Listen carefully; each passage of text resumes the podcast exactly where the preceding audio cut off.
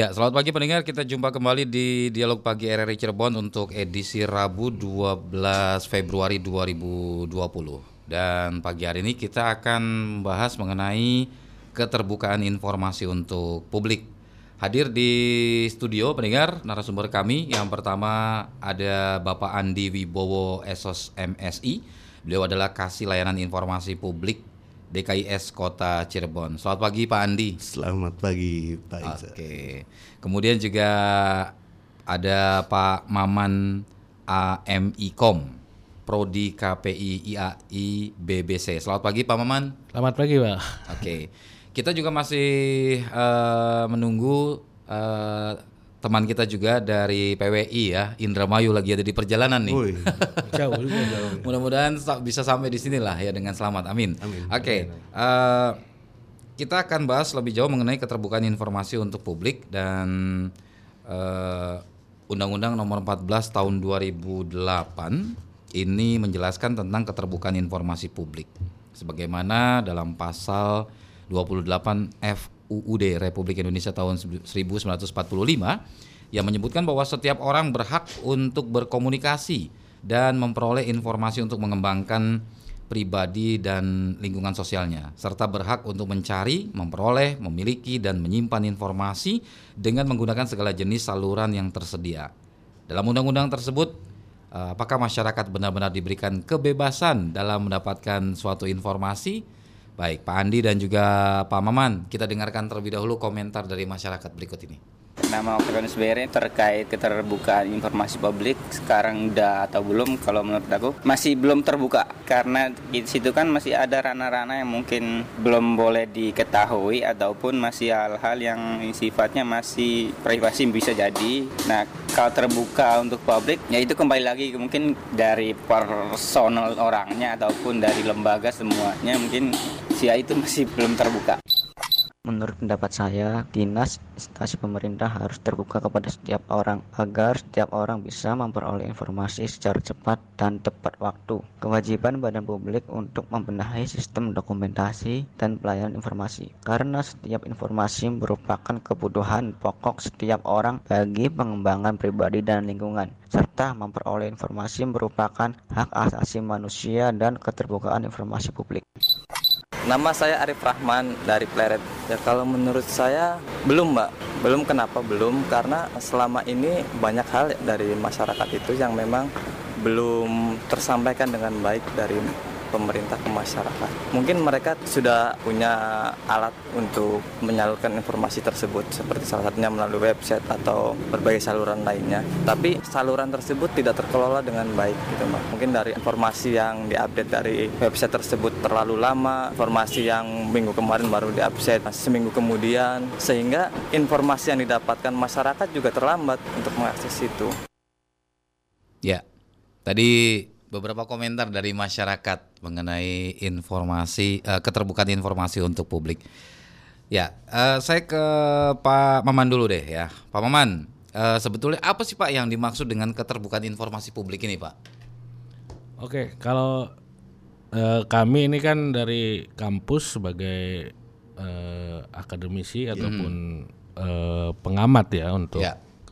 Uh, soal keterbukaan informasi, saya kira gini eh, apa yang dikeluhkan atau tadi disampaikan masyarakat sendiri untuk keterbukaan informasi saat ini di tingkat pemerintahan kami nilai udah cukup baik ya dibandingkan hmm. sebelumnya karena uh, beberapa kali kami pun uh, mengutus mahasiswa untuk uh, semacam melakukan penelitian termasuk hmm. ke Dinas Konfirmasi Informasi dan Statistik ya, kalau nggak salah di situ kan ya. kan ada hmm. KI ya Komisi, ya, Komisi Informasi, Informasi artinya kami melihat di situ untuk uh, beberapa informasi atau data sudah uh, cukup terbuka yeah. untuk saat ini. Artinya mm. kalau dibilang ada data uh, yang privasi atau sebagainya, karena itu juga sudah diatur dalam aturannya. Yeah. Ada saya, saya melihat itu ada okay. ada regulasi gitu. Berarti dalam arti uh, keterbukaan itu tidak semua harus dipublish gitu. Iya, harus dibuka okay. gitu. Artinya Berarti, ah. uh, tetap ada koridor-koridor tertentu yang memang uh, harus dengan mekanisme tertentu untuk dapat mengetahui gitu. Kalau hmm. contoh kalau kami dari kampus untuk penelitian gitu kan. Hmm. Untuk mengambil sebuah data itu kan harus ada yang jalur yang ditempuh, misal persuratan atau apa. Kalau hanya untuk informasi-informasi yang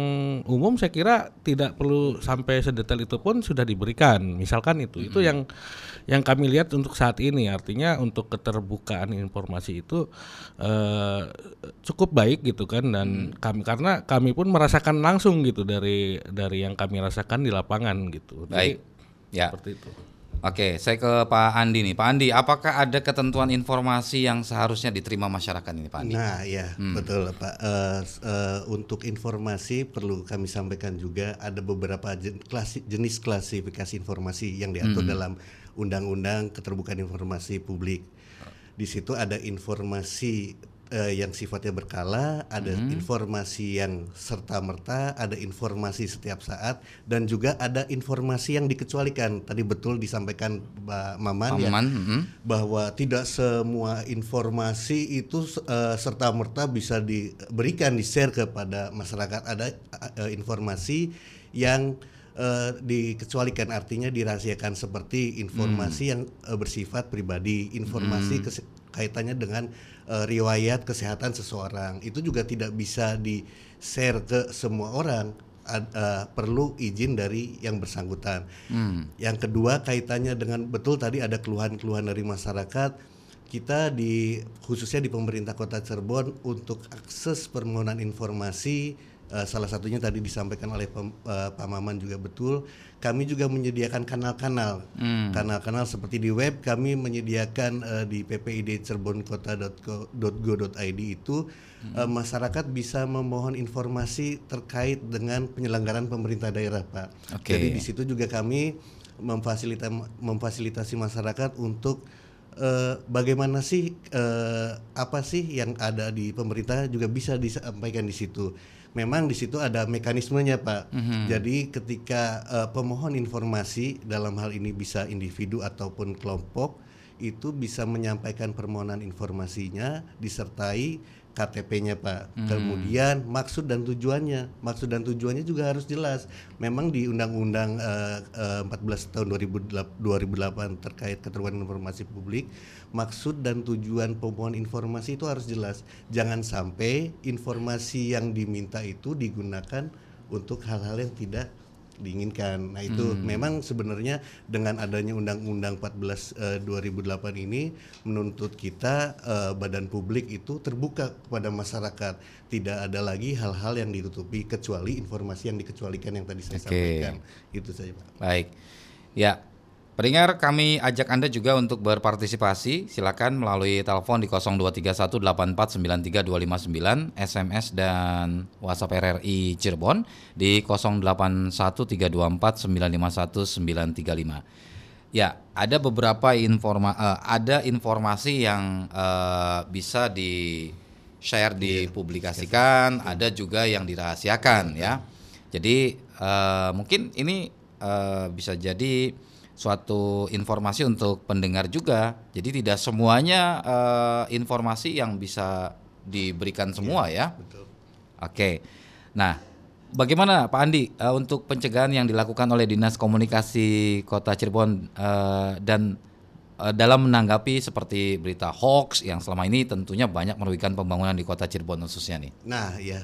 Uh, berita hoax, informasi hoax ini memang sedang uh, kami dari pemerintah Kota Cirebon Pertama kaitannya dengan berita hoax kami uh, sosialisasi Pak, mm-hmm.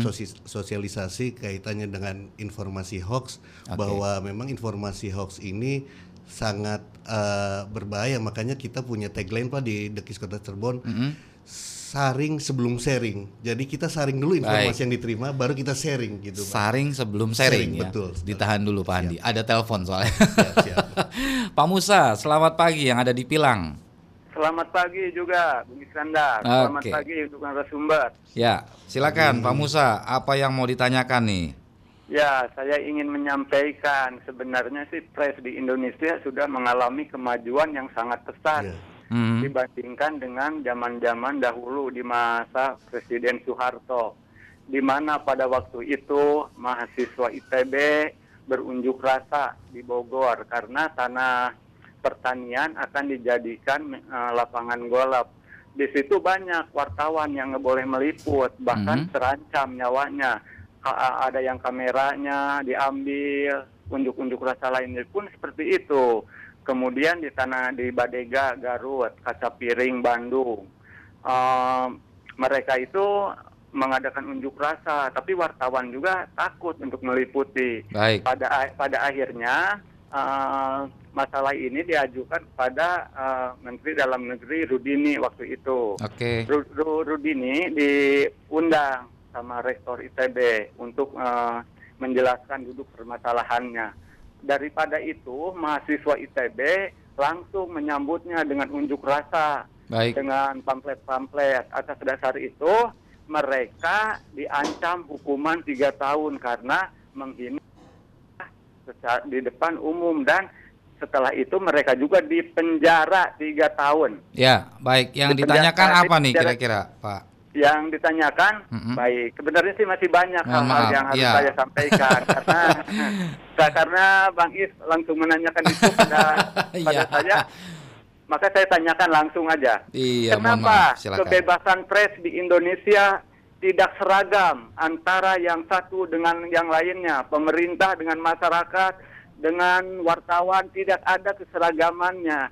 Atas dasar ini juga terjadi sering pelanggaran hak asasi manusia terhadap pres. Sampai sekarang saya juga masih tetap belum ini belum percaya kalau pres itu benar-benar dijamin oleh undang-undang dasar masyarakat juga dijamin belum belum ini belum ada kepastian karena di okay. uh, satu pihak juga di KUHP ada undang-undang yang Pak Musa kebencian dan Pak Musa, ya. Mohon maaf tadi kenapa pers? Kenapa? Pertanyaannya? Pertanyaannya kenapa tidak, pers? Mm -hmm. Kebebasan pers itu tidak ada yang seragam. Tidak ada yang seragam. Uh, di uh, pemerintahan pemerintahan, kemudian uh, masyarakat atau orang-orang tertentu yang nggak mau dikritik oleh wartawan. Oke. Okay. Itu nggak nggak ada keseragaman. Harusnya seragam untuk memajukan Indonesia dalam kehidupan berdemokrasi dan mau menghormati harkat dan martabat manusia hmm. supaya bangsa ini uh, dihormati oleh oleh bangsa lain dan kemudian uh, bisa mewujudkan uh, demokrasi dalam kehidupan bersama-sama dan juga yeah. bisa meningkatkan kepekaan okay. masyarakat dalam menyikapi berbagai macam persa uh, permasalahan. Yeah. Juga dengan adanya kebebasan ini pres juga bisa mendidik masyarakat yeah. untuk berpikiran kritis dan okay. responsif terhadap masalah yang ada. Baik. Kemudian jika pres dibatasi atau tidak diberi kebebasan, maka negara akan rugi okay. karena akan terancam persatuan dan kesatuan bangsa sehingga uh, bisa menimbulkan pembangkangan terhadap Baik. masyarakat. Terima ya. kasih dan assalamualaikum. Waalaikumsalam warahmatullahi wabarakatuh. Terima kasih Pak Musa yang ada di Pilang. Wow, uh, ini panjang sekali nih pertanyaannya sebetulnya. ya, uh, pendengar uh, sudah hadir juga Pak Agung Nugroho, Ketua PWI Indramayu. Kita sapa terlebih dahulu. Selamat pagi Pak Agung. Selamat pagi. Oke, bagaimana hari ini Pak Agung? Alhamdulillah sehat. Nah, sehat ya. Saya apa namanya?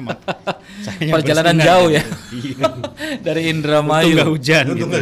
Untung iya. cuacanya cerah ya. ya.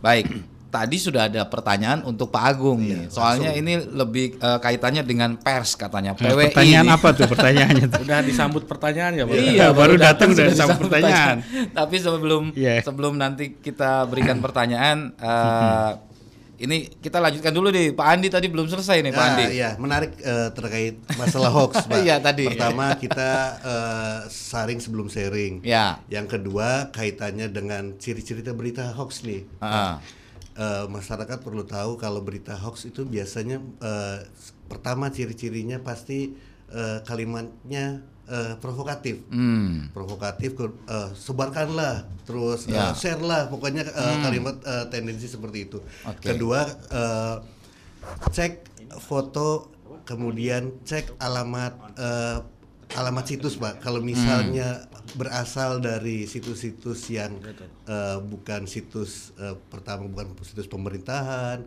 uh, situs uh, media-media yang uh, terpercaya itu biasanya uh, informasinya patut dipertanyakan. Makanya kita selaku masyarakat ketika menerima informasi biasanya yang sering di share itu via WA ya. Uh, WA group Ya. itu lihat.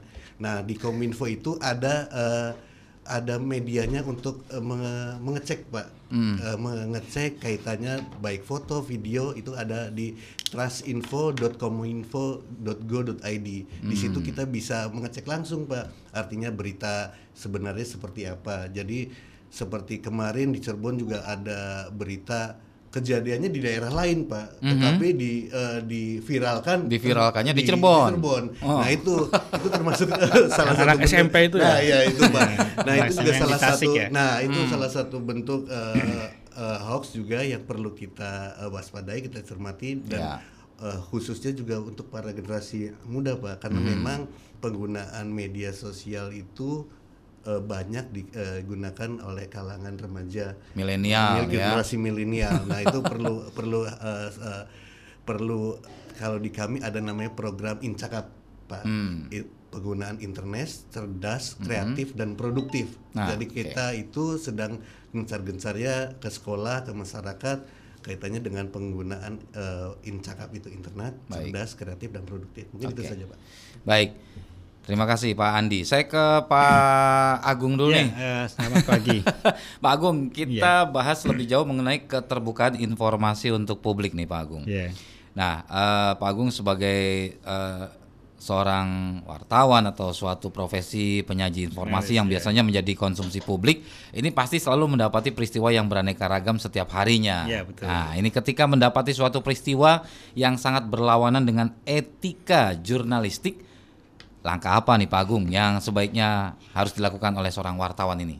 Ya, eh, pada dasarnya semua profesi itu eh, harus profesional dalam menjalankan aktivitasnya. Demikian juga ya ada dokter, Ya. demikian juga wartawan. Nah, pengertian profesional bagi wartawan itu pertama dia cakap dalam menyajikan eh, produk-produk jurnalistiknya. Hmm. konstruksi eh, kalau misalnya cetak ya tulisannya bagus mudah diper- mudah dibaca gitu kan itu konstruksinya. Yang kedua dia juga harus memiliki eh, kedisiplinan dalam eh, menjalan dalam menerapkan kode etik di dalam setiap dia melakukan aktivitas jurnalistiknya. Hmm. jadi pengertian profesionalitas bagi seorang wartawan ya dia cakap secara jurnalistik dalam eh, dalam men- men- me- me- apa namanya menunjuk apa menunjukkan Ya. eh, karya jurnalistiknya Mm-mm.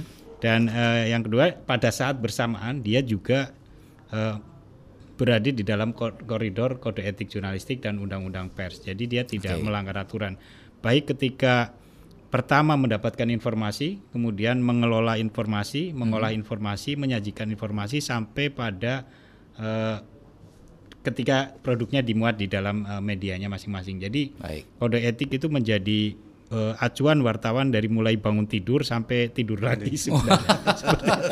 Jadi dia Sampai tidak bisa lepas lagunya ya. iya, tidur mau tidur lagi. Seperti Baik. itu. Ya. Eh, sebelum kita lanjutkan nih Pak Agung, Pak Andi dan juga Pak Maman sudah ada penelpon lagi. Kita eh, temui Ibu Indra yang ada di Pelayangan. Selamat pagi Ibu Indra. Selamat pagi Bung Iskandar Zulkarnain. Oke. Assalamualaikum warahmatullahi wabarakatuh. Waalaikumsalam warahmatullahi wabarakatuh. Ya, silakan Ibu Indra, apa yang mau ditanyakan? Iya, Assalamualaikum para narasumber. Waalaikumsalam. Waduh, iya ini eh, tentang berita ini. Selalu kami yang rakyat kecil ini dibingungkan oleh mana yang hoax, mana yang tidak gitu. Tadi, Iya. oh iya kalau mengingat eh, kode etik jurnalistik itu, wah kami juga eh, percaya ya ada wartawan yang benar-benar menjalankannya tapi banyak juga yang yang eh, ya pokoknya ramai menghasilkan nah hmm. itu uh, cuma umumnya juga uh, kami-kami ini juga bisa bisa menilai uh, sepertinya ini yang hoax ini yang bukan dan hmm. kami juga uh, apa semua media uh, kami juga pantau oh ini nih yang yang uh, biasanya beritanya benar. Nah, yang ini yang ingin rame. Tapi di atas semuanya kami masih tetap percaya lembaga-lembaga negara seperti RRI ini, TVRI ya. Nah, hanya yang uh, kami uh, pertanyakan kalau ada berita hoax mm -hmm. uh, di medsos ini terutama. Nah, kami kami udah kesel gitu. Jadi yang isinya pasti memancing kekeruhan. Nah, hanya kenapa sih tidak ada uh, tindakan dari aparat kita gitu?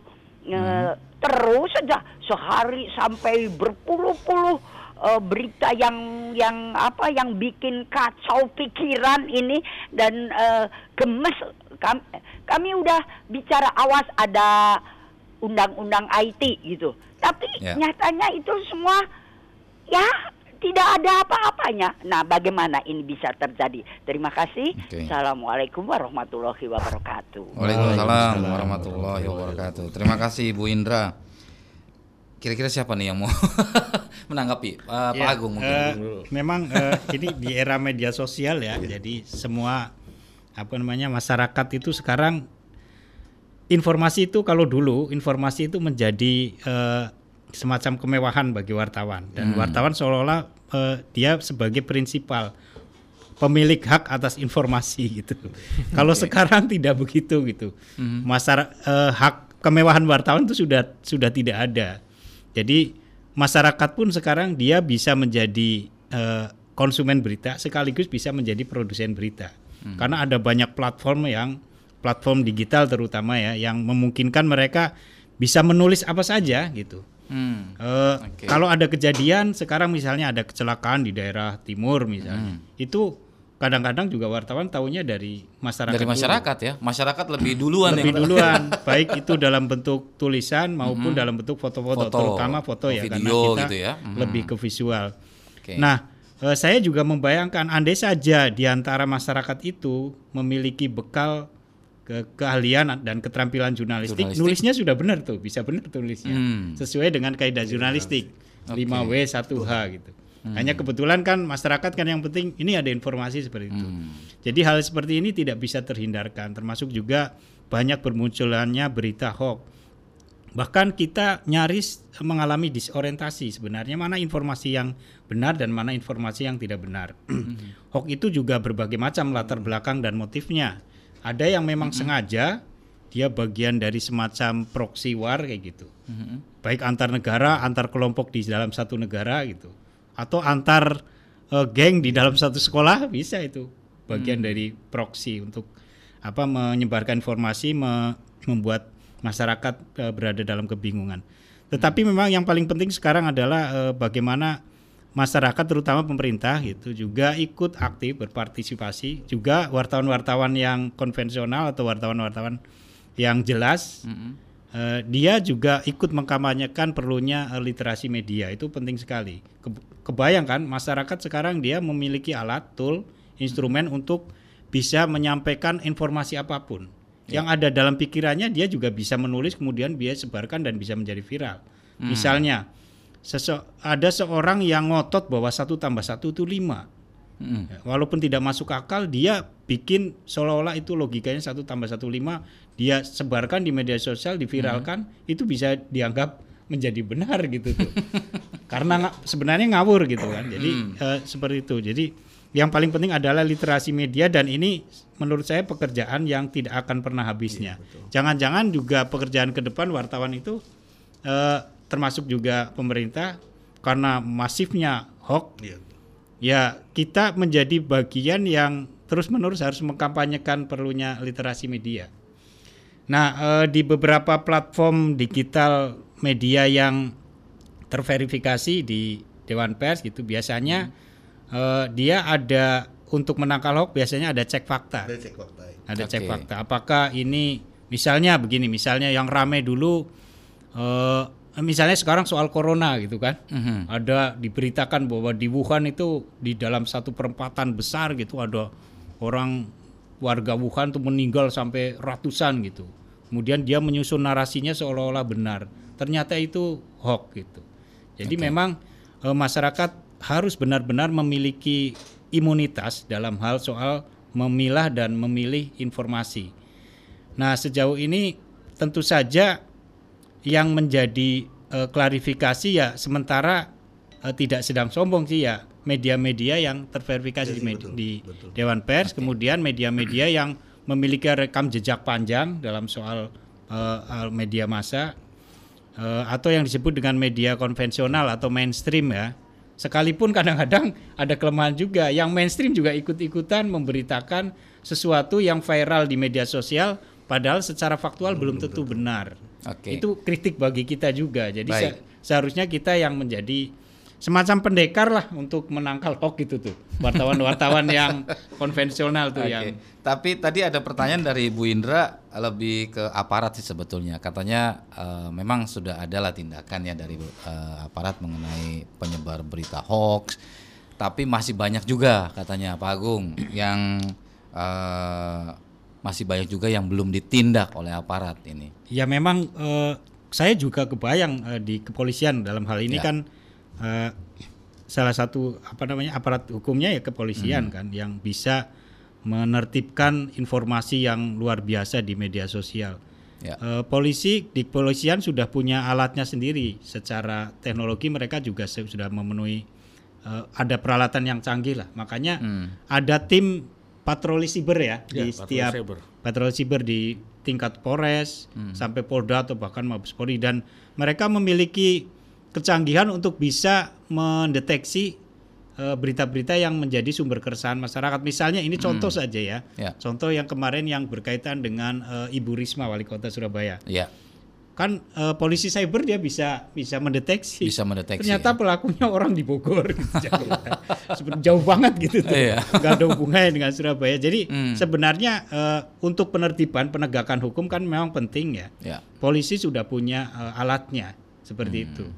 Nah, uh, cuman kan ketika misalnya uh, kasus-kasus semacam itu kemudian masuk ke proses litigasi di kepolisian, di sidik dan sebagainya, uh, biasanya ada perlawanan karena ini dianggap nanti melawan hak berekspresi, hmm. hak untuk menyampaikan pendapat, gitu, hak untuk menyampaikan kritik. Hmm. Sekalipun sebenarnya antara kritik dengan hinaan itu jauh berbeda. Hmm. Kalau kritikan misalnya begini, misalnya uh, misalnya ini Gubernur Jakarta Anies Anies Baswedan misalnya uh, dia dikritik misalnya hmm. dia tidak terlalu apa mengecek kesiapan menjelang banjir itu kan berkaitan dengan kebijakan nggak hmm. apa-apa dikritik dan siapa pun pemerintah juga wajib dikritik supaya dia selalu berada dalam koridor yang benar gitu kan. Untuk membangun. Tetapi kalau misalnya menyebut uh, Anies Baswedan misalnya Pak Anies Baswedan tuh mirip ini gitu ah. binatang itu penghinaan. Penghinaan. Jadi beda sekali antara ya. kritik dengan penghinaan. Nah, sebaiknya okay. uh, saya sih gini, masyarakat Indonesia uh, dengan adanya banyak kasus-kasus yang seperti selama ini muncul, contoh terbaru misalnya menyangkut Bu Risma itu menjadi pelajaran dan pendidikan bagi masyarakat kita. Jadi memang kita harus bijak dalam bermedia sosial lah kira-kira supaya kita jangan termakan oleh hoax kemudian kita menjadi korbannya. Kan hmm. sebenarnya informasi itu sama dengan makanan gitu. Ya. Apa yang kita terima informasi itu, maka bentuk pikiran kita akan seperti itu. Seperti halnya makanan. Kalau misalnya kita terlalu banyak makan yang uh, tidak sehat ya, tubuh kita menjadi tidak sehat. Baik. Hanya kalau informasi pikiran kita yang menjadi tidak sehat. Kira-kira okay. seperti itu. Baik, Pak Agung. Nanti kita lanjutkan lagi dan kita masih undang juga pendengar silakan untuk Anda yang akan bergabung ke 02318493259 SMS dan WhatsApp RRI Cirebon di 081324951935. Tadi juga ada pertanyaan dari Pak Musa yang ada di Pilang tapi kita tahan dulu jawabannya nanti seperti apa. Saya ke Pak Pak Maman nih. Pak Maman, tanggapan Pak Maman uh, mengenai keterbukaan informasi publik tadi. Tadi sudah banyak disampaikan oleh Pak Agung uh, sebagai Ketua PWI Indramayu. Tapi mungkin Pak Maman bisa menanggapi juga uh, mengenai uh, kalau ada berita uh, mengenai berita hoax ini Pak Maman. Oke. Sebenarnya kalau uh, yang disebutkan Ibu Ibu Indra, Ibu Indra tadi uh, sangat uh, banyak kita temukan ya di lapangan karena apalagi di WhatsApp, media sosial lain dan sebagainya. Kalau uh, pandangan saya begini, kalau aparat tindakan ataupun pencegahan itu telah dilakukan. Contoh dalam beberapa platform media sosial sendiri itu sebenarnya hmm. sudah menyaring beberapa kata yang memang tidak boleh diucapkan dan lain sebagainya. Tapi e, praktek di lapangannya masih tetap banyak. Hmm. Adapun kalau e, dengan peringatan atau apa tidak digubris gitu. Sebenarnya eh, pengguna media sosial bisa memanfaatkan fitur yang ada di media sosial sendiri gitu. Contoh kalau di WhatsApp ada ada blokir gitu kan, hmm. terus di Instagram ada laporkan konten, di Facebook ada laporkan konten juga. Artinya di saat banyak yang melaporkan itu secara otomatis akan di eh, nantinya akan diproses oleh penyedia eh, layanan media sosial sendiri gitu. Artinya hmm. eh, memang dari hal kecil pun dari aplikasi yang dipakai sendiri sebenarnya itu sudah bisa e, bisa digunakan gitu. Atau tindakan-tindakan yang lebih konkret gitu kan seperti melaporkan jika sudah sangat-sangat meresahkan gitu. Artinya memang e, ini udah jadi semacam konsekuensi logis ya dengan era perkembangan sekarang era new media gitu kan. Era disrupsi di mana sekarang itu udah berita ataupun informasi tidak jadi hak prerogatif media atau wartawan gitu karena ada hmm. istilahnya citizen journalism gitu kan yeah. artinya jurnalisme warga yang konsekuensinya ini adalah hoax tadi itu sebagai barang bawaannya gitu maksudnya hmm. efek sampingnya nah itu tantangan uh, ke depan karena kami melihat pun dari uh, akademik gitu kan melihat uh, dalam analisa kami itu emang beberapa kali media-media yang mapan pun di skala -hmm. Cirebon itu bukan apa ya ter, ter terseret gitu ternyata Ikut memberitakan mengunggah apa menayangkan foto yang ternyata itu hoax dari informasi beritanya gitu hmm. artinya memang sekelas media saja masih ya. bisa terseret gitu kan apalagi hmm. untuk masyarakat. masyarakat jadi memang uh, sangat luar biasa gitu artinya kami dari uh, prodi yang basicnya komunikasi konsen di sini pun ya turut ataupun ikut mensosialisasikan gitu kan untuk masalah uh, adanya uh, banyaknya uh, hoax karena itu uh, kalau uh, dalam uh, penelitian singkat kami itu melihat ada kecenderungan gitu bahwasannya mereka di saat berbagi informasi itu sesuatu yang katakanlah berpahala gitu padahal dia sendiri tuh belum tahu apa manfaat dari itu. Dulu kan ada di Facebook itu tren namanya orang like, komen apa biar masuk yeah, surga apa like, dan like. itu berimbas ke WhatsApp, ke Instagram. Mm -hmm. Tapi tidak semasif yang di Facebook gitu. Hanya uh, beberapa ay, tinggal sedikit makanya yang tinggal sedikit ini yang harus mulai dikikis terus gitu kan contoh Baik. di saat di warga grup ada yang grup WhatsApp gitu kan ada yang bar informasi yang tidak benar ya segera diperingatkan gitu kan tapi kalau tidak membandel okay. ketua eh, kalau masih tetap membandel kepala suku di grupnya tinggal mengeluarkan hmm. aja gitu kan simpelnya ah. gitu karena memang hal-hal semacam ini kalau tidak ada yang tegak berdiri me, apa meluruskan ini akan terus terjadi seperti itu. Baik, oke. Okay. Ya, masih ada waktu kita untuk berbincang di pagi hari ini pendengar. Uh, kita masih akan bahas lebih jauh mengenai keterbukaan informasi untuk publik ya. Untuk Anda juga bisa bergabung kembali silakan ke 0231849329 SMS dan WhatsApp RRI di 081324951935. Saya ke Pak Andi Wibowo nih, Pak Andi. Uh, pada waktu itu uh, seperti yang diungkapkan oleh Wali Kota Cirebon Nasruddin Ajis ini dalam peringatan Hari Pers Nasional, beliau ini mengungkapkan ini akan membangun program sinergitas bersama pers. Programnya ini seperti apa sih Pak Andi sebetulnya?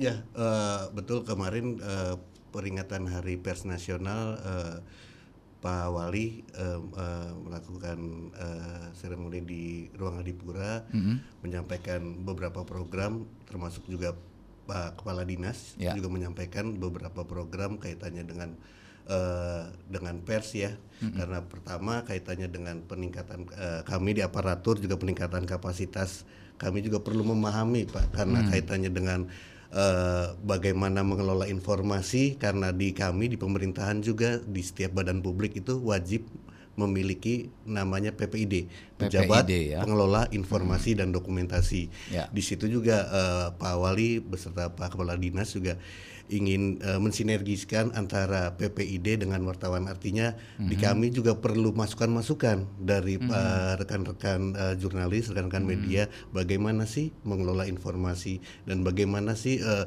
membedakan uh, uh, informasi uh, infor, beberapa informasi yang perlu di share di teman-teman uh, media. Hmm. Nah, itu salah satu bentuk sinergi kami dari pemerintah dengan uh, media dan masih banyak hal lain yang uh, program dan kegiatan yang uh, kami bersama rekan-rekan media itu berkolaborasi. Hmm, nah, justru uh, saya tertarik tadi dengan pen, penanya tadi Pak yang Musa. terakhir bukan yang ibu-ibu ya. Ibu Indra. Pertama hmm. kaitannya dengan berita hoax itu Ibu Indra sudah betul percaya dengan RRI sebagai hmm. lembaga yang terpercaya ditambah juga dengan media-media yang uh, mempunyai track record yang hmm. memang uh, selalu menyajikan berita-berita yang aktual, yang faktual hmm. ya.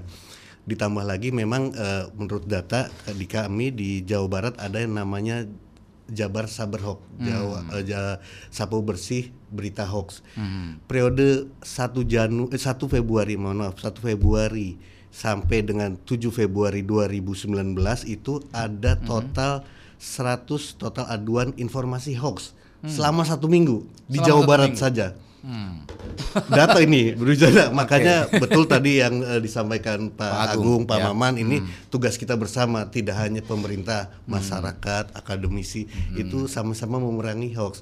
Makanya di kami juga pertama ada tagline itu, kedua juga ketika stop berhenti sampai di di, di kita, artinya hmm. ketika kita menerima informasi hoax ya cukup sudah, cukup tidak usah tidak di, perlu di iya tidak perlu di share lagi nah share itu lagi, mungkin ya. saya juga uh, kurang begitu paham memang tadi yang disebutkan Pak Maman karakteristik uh, masyarakat ketika ada berita itu cep, ingin cepat-cepat diviralkan nah itu yeah. justru yang yang jadi bahaya ketika hmm. uh, konten informasinya justru belum be, uh, belum Uh, iya terverifikasi itu yang perlu uh, hmm. kita sama uh, tugas kita sama-sama nah itu yeah, betul yeah.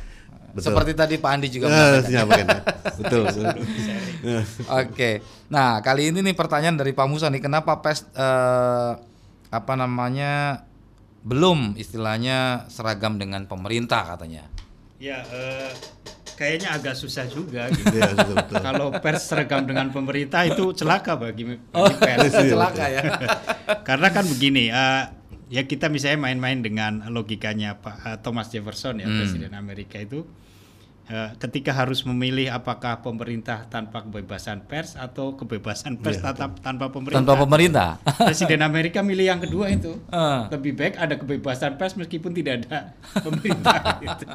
Artinya begini, tapi bukan berarti itu hmm. sebuah pilihan yang yeah. yang satu ada dan yang lain harus tidak ada gitu. Hmm. Jadi memang uh, ya habitatnya pers memang dia harus independen, independen, ya. bersikap kritis, objektif, faktual. Mm -hmm. Jadi tidak mungkin dia harus diseragamkan dengan pemerintah, mm -hmm. gitu. Tetapi bisa jadi pers berada dalam satu titik dengan pemerintah. Mm -hmm. Misalnya dalam hal-hal yang bersifat prinsipil tentang negara konteks Indonesia misalnya dalam soal NKRI gitu kan hmm. kemudian tentang kebinekaan ya. karena itu sudah menjadi semacam konsensus nasional kita hmm. Nah pers nasional kita pers nasional Indonesia dalam hal yang bersifat prinsipal itu prinsip prinsipil bukan prinsipal itu ya harus selaras, selaras. dan selarasnya bukan dengan pemerintah sebenarnya. Selaras dengan negara dengan bangsa. Hmm. karena itu untuk kepentingan sendiri. Jadi tidak mungkin pers harus seragam dengan pemerintah. Oke. Okay. Di satu waktu pers bisa berhadapan dengan pemerintah kalau misalnya pemerintah ada hal yang perlu betul, dikritik. Betul. Okay. Tapi pada saat bersamaan dia bisa berjalan beriringan. Gitu. nah, yang menjadi yeah. dasar standarnya adalah yang penting pers dia harus menja menjaga objektivitas, mm -hmm. menjadikan fakta sebagai satu-satunya dasar untuk yeah. penulisan atau karya jurnalistik. Itu. Kemudian tentu saja dia harus uh, apa namanya berpegang pada nilai-nilai moral agama kita seperti itu. Mm -hmm. Jadi uh, dia tetap independen, kritis, tetapi dia, dia juga bisa menjadi partnership bagi tidak hanya pemerintah tapi bagi siapa saja. Bagi siapa saja. Jadi Baik. tidak mungkin lah kita harus ya. diseragamkan dengan okay. pemerintah seperti itu. Baik, kita ke Gang Ledeng nih ada Pak Jumali. Selamat pagi Pak Jumali. Selamat pagi lagi. Assalamualaikum warahmatullahi wabarakatuh. Waalaikumsalam warahmatullahi wabarakatuh. Dengan kebebasan pers itu kan semata-mata bukan bebas sebebas-bebasnya kan itu ada undang-undang, ada peraturan yang mengaturnya. Ya. Begitupun ketika pers atau wartawan ya. Mm -hmm. Wartawan misalnya datang ke sumber berita gitu ya. Mm -hmm. Nah, itu sumber berita tuh ada ketidakpuasan wartawan nih seperti itu. Okay. Nah, itu apakah ada wartawan yang mengancam sumber berita itu? Ya, soalnya ya di masyarakat ada yang hal seperti itu gitu, apa eh, pahamnya seperti itu. Jadi mm -hmm. tidak puasnya mendengar berita dari seseorang mm -hmm. karena dia udah memperoleh berita dari yang lain dan untuk meyakinkan dia pindah ke orang lain, ketidakpuasan itu menjadi marah kemarahan dari wartawan itu tuh. Baik. Nah itu memang dibenar seperti itu atau nanti kadang-kadang ya katakanlah gampangnya balas dendam gitu Terima kasih Assalamualaikum warahmatullahi wabarakatuh. Oke. Waalaikumsalam warahmatullahi wabarakatuh. Ini ke Pak Agung lagi nih. Iya memang. Pak Agung. Jadi begini dengan Pak siapa ini Pak siapa? Pak Jumali. Pak Jumali ya. Jadi hmm. di setiap kita seminar diskusi tentang media massa gitu. Ya. Termasuk sosialisasi undang-undang pers, undang-undang uh, 40 tahun 99 hmm. Terus sosialisasi tentang kode etik, sosialisasi tentang peraturan-peraturan dewan pers, hmm. baik dengan kepala sekolah, dengan guru, dengan uh, kepala desa, dengan pemerintah, dengan pejabat pemerintah, pertanyaan seperti ini selalu muncul. Hmm. Jadi memang uh, uh, kebebasan pers itu uh, mem memunculkan resiko juga, resiko uh, adanya kelompok-kelompok tertentu yang memanfaatkan. Hmm. Kalau istilahnya mungkin kalau istilah sejarah tuh istilahnya lumpen. Lumpen itu preman gitu. Jadi ketika pada zaman uh, ketika Hitler pertama mengkonsolidasikan Nazi itu eh, orang-orang yang searah dengan pikiran Hitler dia itu preman. Jadi hmm. dia melakukan uh, kayak dia melakukan razia terhadap orang-orang yang dianggap berbeda pilihan politiknya. Hmm. Nah, uh, fenomena lumpen itu juga memboncengi kebebasan pers kita setelah era reformasi, yaitu premanisme di dalam pers. Tetapi sebenarnya uh, ada undang-undangnya, uh, Pak Jumali. Jadi tidak dibenarkan tadi kan saya bilang bahwa kode etik bagi wartawan itu melekat 24 jam. Ya. Kalau misalnya kita memasuki wilayah ketika wartawan memulai kerjanya aktivitasnya, kode etik itu melekat ketika pertama kita mendapatkan informasi, mengolah informasi, menemui narasumber gitu mm -hmm. ya. Mhm. Wawancara sampai pada penuangan beritanya itu melekat. Nah, kalau ada wartawan yang datang mencak-mencak itu menurut saya dia sudah melanggar kode etik ya. bahwa wartawan pertama dia harus bersikap sopan, kemudian harus memperkenalkan identitas, uh -huh. kemudian tidak punya prasangka buruk. Nah, nah, kalau ada wartawan yang seperti itu menurut saya itu bukan wartawan. Saya menurut saya itu hmm. pem, yang memboncengi kebebasan informasi. Itu lumpen, lumpen pers atau pers preman.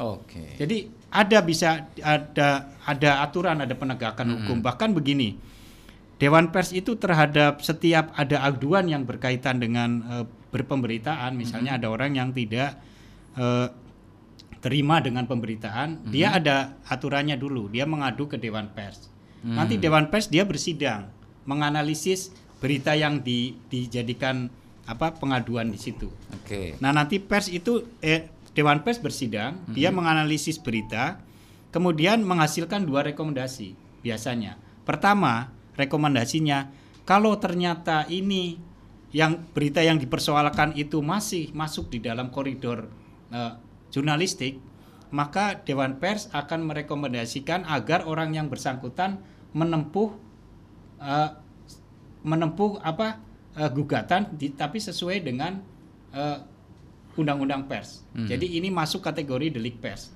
Tapi ada juga sebuah berita yang kemudian oleh Dewan Pers dianggap bahwa ini bukan berita. Hmm. Jadi ini bukan delik pers maka Dewan Pers akan menyerahkan kepada orang yang merasa dirugikan, silakan menempuh upaya hukum lain. Upaya hukum lain itu bisa undang-undang pidana, pencemaran hmm. baik, undang-undang ITE dan yang lain-lain.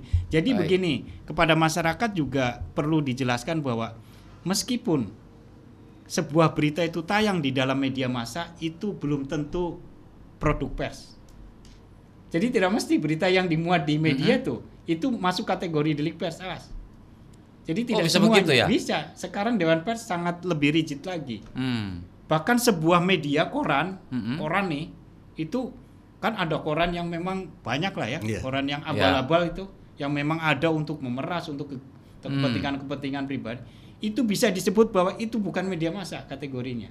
Hmm. Jadi tidak semua barang yang tercetak, okay. apalagi sudah dalam bentuk berita, ada foto, ada semua, itu masuk kategori uh, karya jurnalistik. Jadi okay. tidak termasuk. Baik. Termasuk juga pada radio, mm-hmm. pada video, pada televisi mm-hmm. bisa seperti itu. Apalagi kan sekarang ada YouTube dan sebagainya. Ya. Jadi yang sudah ya. dimuat pun hmm. belum tentu. Jadi uh, kita sebenarnya dalam penegakan soal perlunya kedisiplinan pers atau penegakan hukum dalam seputar dunia jurnalistik itu sudah sangat ketat. Nah, yang saya menginginkan adalah keberanian dari masyarakat yang merasa dirugikan. Kadang-kadang tuh tidak mau dia mengadu mereka mengadu. Saya dapat okay. pengaduan Pak. Baik. Di daerah Beber itu ada seorang kepala sekolah yang dikejar-kejar sekelompok wartawan. Hmm. Setiap dana bos mau yeah. cair tuh sampai ngumpet di kolong meja. Hmm. Dan menurut saya itu sebenarnya tindakan premanisme. Berarti itu kalau uh, terjadi hal seperti itu uh, si apa namanya seperti kepala sekolahnya ini langsung lapor saja ke bisa lapor bisa lapor polisi dewan dia pers, merasa ya? bisa dewan pers kalau sudah dalam bentuk berita ya mm -hmm. Atau langsung lapor ke polisi kalau misalnya uh, wartawan datang terus dia tiba-tiba marah mm. menekan apalagi minta uang pemerasan ya. itu oke okay, nah kita itu ya. dirugikan ya? oleh yang model yeah. seperti ini pak mm. pak Jumali jadi kita juga yeah. merasa dirugikan baik seperti itu oke okay. ya ini ada pertanyaan dari Mama Fitri yang katanya pertama Mama Fitri ini mengucapkan terima kasih kepada Dewan Pers karena dengan adanya Dewan Pers di antaranya banyak kejadian-kejadian yang disembunyikan yang dilakukan oleh pejabat atau masyarakat yang akhirnya bisa terungkap. Oke, bukan pertanyaan sih, hanya sekedar eh, mengucapkan terima kasih. Tapi tadi Mama Fitri, Pak Andi juga menyampaikan ada berita atau ada informasi yang bisa dipublikasikan. Betul ada juga yang dirahasiakan. Ya, betul. Nah, jadi ini harus kita harus cermat harus tahu ya. Iya, betul. Mana informasi yang harus dipublikasikan, mana informasi yang harus dirahasiakan ya, betul. ya, Pak Andi ya. Betul.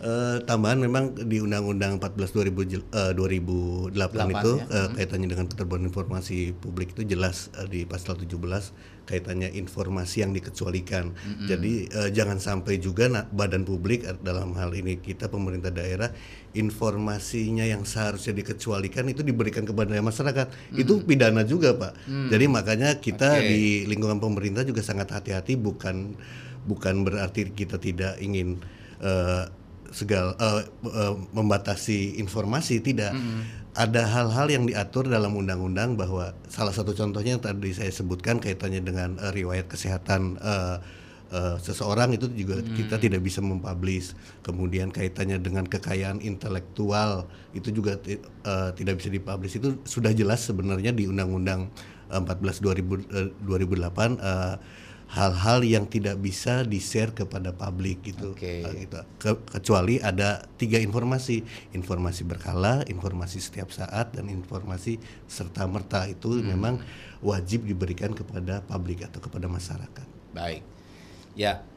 Pak Andi, Pak Maman, Pak Agung, sayang sekali sebetulnya masih banyak yang akan kita ah, bicarakan okay, tidak ya. terasa hampir pukul 9 ya. hampir satu jam kita berbincang di pagi hari ini dalam dialog pagi. Tapi sebelum kita akhiri, uh, perbincangan kita hari ini uh, barangkali ada yang ingin disampaikan kepada masyarakat. Pertama mungkin saya ke Pak Andi Wibowo dulu. Apa Pak yang ingin disampaikan ke Oke, warga terima kasih Pak. Uh, terkait informasi hoax betul tadi ada slogan share, uh, saring sebelum sharing. Kedua ya. kaitannya dengan penggunaan uh, internet. Guna kita sama-sama menggunakan internet secara incakap internet uh, cerdas, kreatif dan produktif itu saja Pak. Terima kasih. Baik. Saya ke Pak Maman nih. Pak Maman, apa yang mau disampaikan untuk warga masyarakat terkait dengan keterbukaan informasi untuk publik ini, Pak? Untuk keterbukaan informasi, saya kira eh, pergunakan data eh, seperlunya ya, jangan hmm. uh, mengada-ngada gitu kan untuk uh, artinya untuk pemerintahan sekarang ini udah cukup uh, terbuka dibandingkan periode-periode sebelumnya gitu hmm. maka ya manfaatkan dengan baik baik Terima kasih Pak Maman. Pak Agung Nugroho, apa Pak yang ya, mau disampaikan karena untuk ini masih berkaitan dengan Hari Pers Nasional. Betul. Maka pesan saya pertama kepada kaum yang sejenis dengan saya wartawan kan. ya. Tetaplah setia gitu, istiqomah berpegang pada uh, profesionalisme. Artinya hmm. buatlah berita sebagus mungkin dan tetapi tetap memegang kode etik dan undang-undang pers. Kemudian kepada masyarakat uh, cerdaslah dalam me konsum mengkonsumsi informasi. Jadi eh, dengan kecerdasan maka mereka eh, masyarakat tidak akan tersesat oleh informasi-informasi yang sifatnya hoax atau informasi palsu. Kira-kira seperti itu. Baik. Terima kasih. Terima kasih. Terima kasih Pak Agung Nugroho, Ketua PWI Indramayu, Pak Maman uh, Prodi KPI IAI BBC. Terima kasih Pak Maman sudah bersama RRI. Sama-sama Pak. Kemudian Pak Andi Wibowo SOSMSI kasih layanan informasi publik DKIS Kota Cirebon. Terima kasih Pak Andi. Oke, mudah-mudahan perbincangan kita di pagi hari ini mengenai keterbukaan informasi untuk publik ini sangat bermanfaat untuk kita semuanya. Pendengar juga Anda ucapkan uh, kami ucapkan terima kasih untuk Anda yang sudah berpartisipasi. Sampai di sini. Selamat pagi dan sampai jumpa.